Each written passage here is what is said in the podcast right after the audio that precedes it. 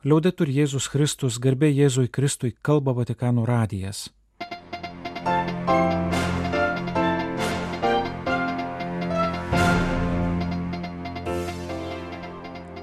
Malonus klausytojai šioje programoje. Ką darome, kai esame blaškomi vėjų ir bangų? Klausė sekmadienio vidudienio maldos susitikime popiežius. Taip pat paminėjęs Kamerūną, Ukrainą, Havajus, migrantų dramą viduržėme jūroje, sveikinęs po Europą keliaujančius pasaulinių jaunimo dienų dalyvius. Vakarų Europos šventovės. Keli praėjusios savaitės įvykiai Lietuvoje.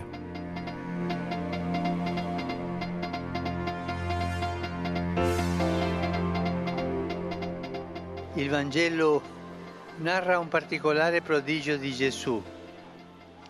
Egli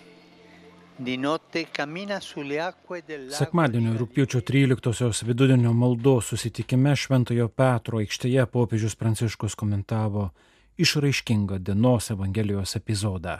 Tarp gilių ežero vandenų sutemuse vėjo blaškoma išgazdintų mokinių valti ir vandens paviršiumi atėjusi bei juos nuraminusi Jėzų. Kaip suprasti šį epizodą? Galbūt, kaip neluktai pavojoje atsidūrusių mokinių išgelbėjimą, bet juk pažymima, kad pats Jėzus prispyrė juos lipti į valtį, išplaukti, tarsi užprogramuodama situaciją, kaip savosios didybės ir galios parodymą, bet taip elgtis Jėzui nebuvo būdinga. Ėjimas vandens paviršiumi turi prasme, kuri nėra iš karto akivaizdi. Tuo metu buvo manoma, kad didelių vandens telkinių gelmes yra piktų ir žmogui nepavaldžių jėgų buveinė. Audros sujudintos vandenų gelmės buvo chaoso simbolis priminantis pragaro tamsą. Tad tamsoje į audrą patekę mokiniai bijojo ne vien nuskesti, bet ir būti praryti blogio. Būtent tokiu momentu Jėzus ateina vandenų paviršiumi virš blogio jėgų ir sako savo mokiniams, drąsus tai aš, nebijokite. Štai ženklo prasme. Jėzus sutramdo mus bauginančias ir mums nepavaldžias blogas jėgas, tarsi žada, kad šie mūsų priešai bus parblokšti ir prie mūsų kojų. Tačiau, pabrėžė popiežius Pranciškus, šie priešai nėra kiti žmonės.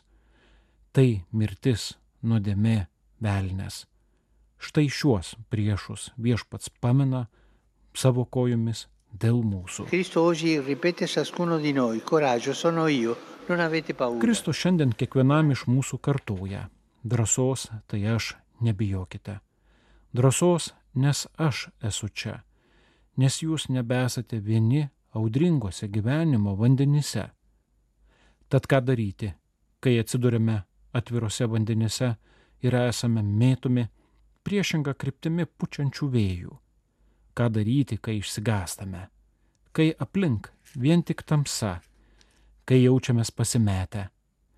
Evangelijos skaitinyje pažymi šventasis tėvas matome, ką daro mokiniai. Jie šaukėsi Jėzaus, o po to jį priema.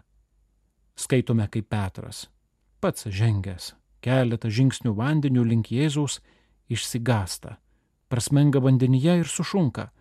Viešpatė, išgelbėk mane. Tai graži malda, išreiškinti tikrumą, jog viešpats gali mus išgelbėti, įveikti blogį ir mūsų baimės. Kartokime, patarė popiežius, dažnai šią maldą, ypač gyvenimo audrose. Signore, salvami. Viešpatie, išgelbėk mane.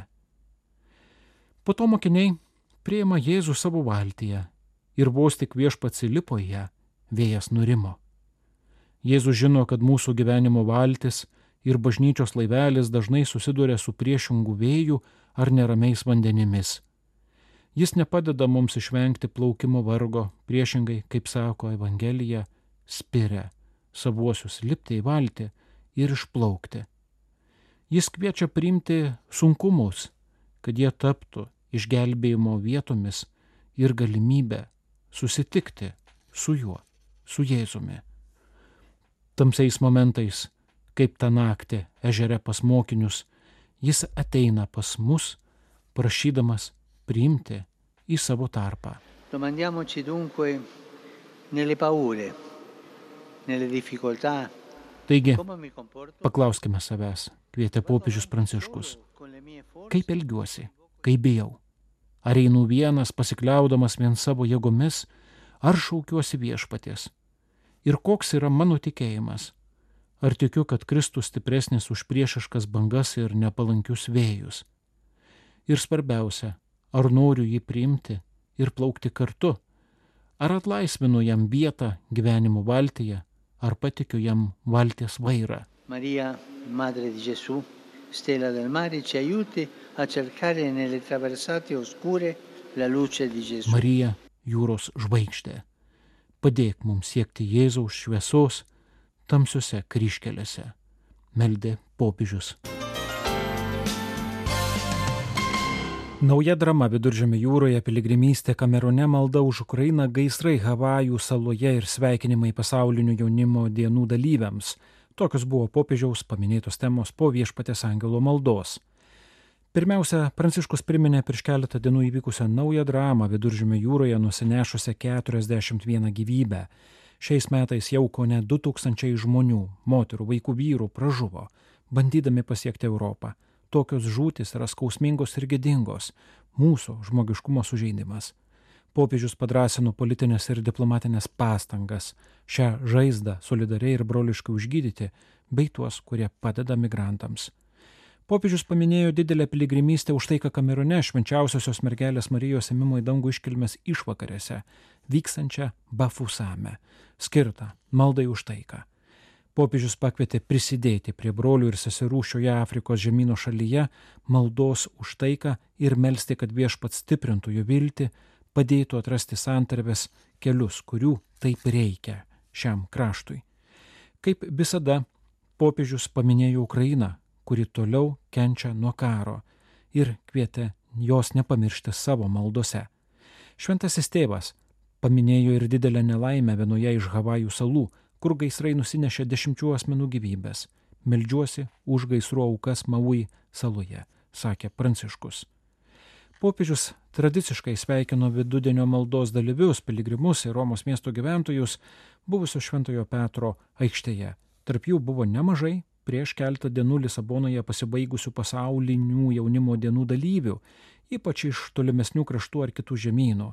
Daug jaunuolių Europoje liko ilgesniam laikui, lanko Italiją, Prancūziją, Ispaniją, o kai kas ir Šventąją Žemę. Popiežius, nužvelgęs aikštėje plebesavusias vėliavas, sveikino iš toli atvykusius meksikiečius, argentiniečius, salvadoriečius, taip pat taivaniečius. Gero, tolimesnio kelio, linkėjo Pranciškus. Nuo pirmųjų amžių bažnyčios iškildavo ant apaštalų ir kankinių kapų, relikvijų atgabentų iš Jeruzalės. Pasak prancūzų viduramžių tyrinėtojo Andrė Voši, tai ypatingai istorinį ir dvasinį vaidmenį turinčios vietos. Už keliasdešimties kilometrų nuo Damasko Sirijoje 1500 m aukštyje virš jūros lygio iškilęs Saitnaja miestas. Neseniai liūdnai pagarsės dėl to, kad Sirijos konflikto metu čia buvo įrengtas karinis kalėjimas. Tačiau centras žinomas dėl seno nuostabaus graikų vienuolyno, kuriame saugoma ir krikščionių, ir musulmonų gerbiama mergelės Marijos ikona, kurios kultą 12-13 amžiuje Europoje padėjo įtvirtinti tamplierių riteriai. Pasak legendos, ikoną vienuolyno vyresnybei nupirko vienuolis vardu Teodoras. Supratęs ikonos vertę, jis nusprendė pasilikti ją savo, norėjęs laivu išplaukti iš Akros, tačiau audra jį privertė grįžti atgal, mergelės valia buvo pasiekti vienuolyną. Vieta tapo viena svarbiausių mergelės Marijos šventovių rytuose. Kasmet rugsėjo 8-ąją per Marijos gimimo šventę krikščionis ir musulmonai stovėdavo šalia ikonos, melsdami švenčiausios mergelės užtarimo. Tačiau tai nėra išskirtinis faktas. Viduržėmio jūros regionas nusėtas tokio pobūdžio vietomis. Mergelės Marijos ar šventosios šeimos garbinimas dažnai suartindavo krikščionybės ir islamo tradicijas. Šiuo požiūriu galima teikti, kad šventovės buvo palankios pačios viduržėmio jūros kultūriniai vienybei. Koks jų vaidmuo, kas lypi už tokio pobūdžio vietų steigimo? Būtent tai savo naujoje knygoje Sakralumo pėtsakais vakarų Europos 4-16 amžiaus šventovės nagrinėja vienas svarbiausių prancūzų medievistų André Vošė. Apibriežti, kas yra šventovė, yra tuo pat metu ir paprasta ir sudėtinga. Tai atskiros vietos, kur savotiškai pasireiškia sakralumo pojūtis, dieviškumo paliestos vietos, todėl neliečiamos. Šis reiškinys būdingas visose žmonių visuomenėse. Krikščioniškame pasaulyje tai erdvės, kuriuose malonė suteikiama nepaprastu būdu, vietos pritraukiančios didžiulės tikinčiųjų mines. Andrė Vošė atskleidžia skaitytojui, kaip gimsta reiškinys, kuriam lemta išplisti visame viduržėmio jūros regione pradedant nuo trečiojo ketvirtojo amžiaus imta domėtis kankinių laidojimais, aplink kuriuos buvo statomi specialūs pastatai. Vėlesniais šimtmečiais atsirado įvairaus tipo šventovių, kurios greitai virsta sustojimo ir polsio vietomis šalia didžiųjų piligriminių kelių arba pačios tampa piligrimystės tikslu. Jų kilmė ir paskirtis įvairi pradedant tomis, kurios saugo su pačiu Kristumi susijusias relikvijas, pavyzdžiui, Romoje saugomas Šventasis kryžius iš Jeruzalės. Tai yra paštalų relikvijų saugojimo vietos, pavyzdžiui, Šventojo Jokūbo šventovė Ispanijoje, Mergelės Marijos šventovės, pavyzdžiui, Loreto šventieji namai, šventovės dedikuotos Arkangelui Mykolui kaip Monte Sant'Angelo pietų Italijoje. Dažnai pavyzdžių būdavo Jeruzalė, Europiečiai daug kartų mėgino atnešti jos sakralumą į vakarus, atkartodami šventųjų vietų formą arba per relikvijas perteikdami jų dieviškumą. Andrė Vošė savo knygoje kuria labai turtingą maršrutą, iliustruojama puikiais ikonografiniais pavyzdžiais, atskleidžiančiais, kaip šventovės prisidėjo, kuriant krikščionišką erdvę viduramžių Europoje. Rūpiučio 7 dieną Bernardinai LT paskelbė Skirmantės Valiulytės parengtą straipsnį Grigališkasis choralas Šveičia sielas, skirtą Liepos 23-30 dienomis Marijampolėje vykusiai Grigališkojo choralo savaitėjai. Savaitės dalyviai gyveno ir mokėsi istorinėme Marijampolės Marijonų vienuolyne, o gėdojo ir meldėsi Marijampolės Šventojo Arkangelo Mykolo bazilikoje. Kokia šios savaitės prasme, kas joje siejama ir kokie vaisiai išsinešami, geriausiai atskleidžia straipsnėje pateikiami dalyvių liudijimai. Iš Kauno atvykusią choro kantorės Agni vadovę Simoną Jašauskytę labiausiai motivuoja neišsemiami grigališkojo choralo lobynai. Kaskart jaučiuosi apdovanota dideliu žinių bagažu. Ir ne vien, visą savaitę esame maldoje. Kasdien nuo ryto iki vakaro gėdame liturginės valandas, švenčiame mišių auką, suklumpame adoracijoje prieš švenčiausiai sakramentą, vykstame į palendrius. Visa tai lyg giesme praturtintos rekolekcijos, tikra atgaiva sielai. Marijampolės bazilikos vargonininkė Akvilė Kergytė džiaugiasi galėjusi patirti, kaip grigališkasis choralas taikomas liturgijoje praktiškai. Didelį įspūdį padarė tai, kad savaitės dalyviai ne tik susirenka dėl pačios muzikos, bet kad jie gyvena tuo, ką ir kam gėda. Po šių kursų širdis dar labiau dega noru atskleisti liturgijos grožį choristams ir parapiečiams dirbant savo parapijoje. Kernavės ir Musninkų parapijų klebonas Marius Talutis liudijo dalyvavimo choralo stovyklose gydantį poveikį. Nekartą esu išgyvenęs, kad gėdojimas šveičia sielą.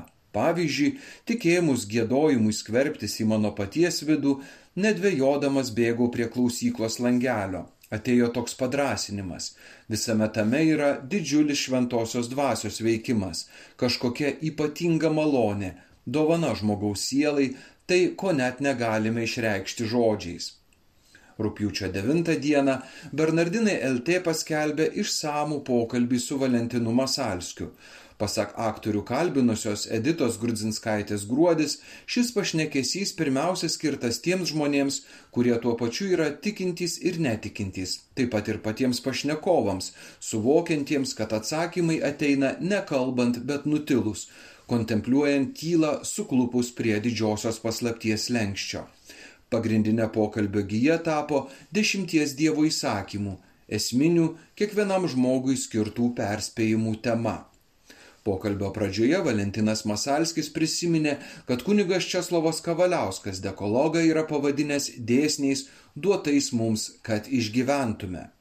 Sykį susimaščiau, aš tiek knygų perskaitęs, tiek visko prigalvojęs, tiek visko primastęs, mes čia kuriejai save vadiname, O aš ar žinau dešimt Dievo įsakymų, tas normas, kuriomis pirmučiausia vadovaudamasis turi gyventi žmogus.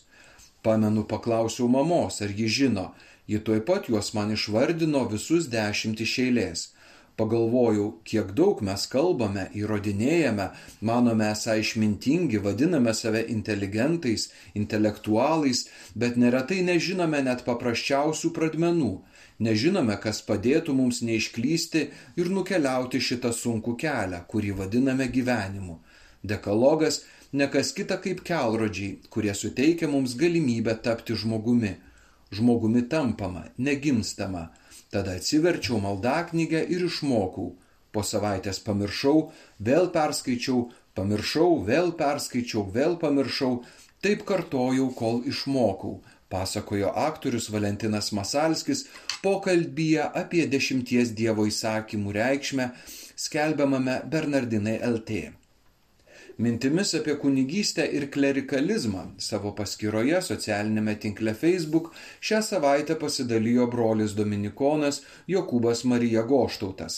Įrašą paskatino kunigų atžvilgių vis dažniau skambantys kaltinimai piknaudžiavimu ir išnaudojimu, bei juos lydintys raginimai keisti laiko dvasios netitinkančią bažnyčios struktūrą, naikinti vyrų kunigystę arba nutraukti celibato tradiciją. Galime norėti renkamų bažnyčios tarnų, moterų išventinimo ir kitų pokyčių, tačiau išeities išeitis nėra panaikinti kokią nors tarnystę.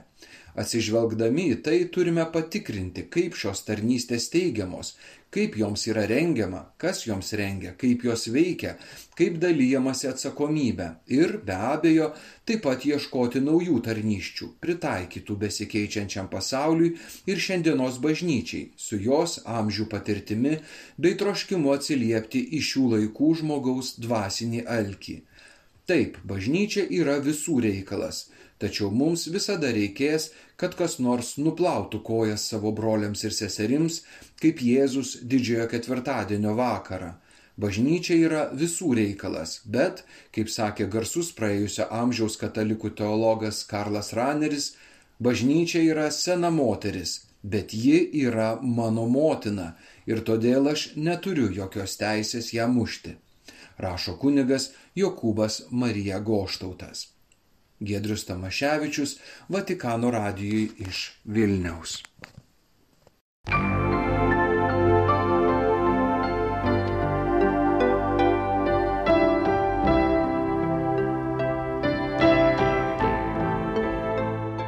Malonus klausytojai laidą lietuvių kalbą baigiame. Kalba Vatikano radijas.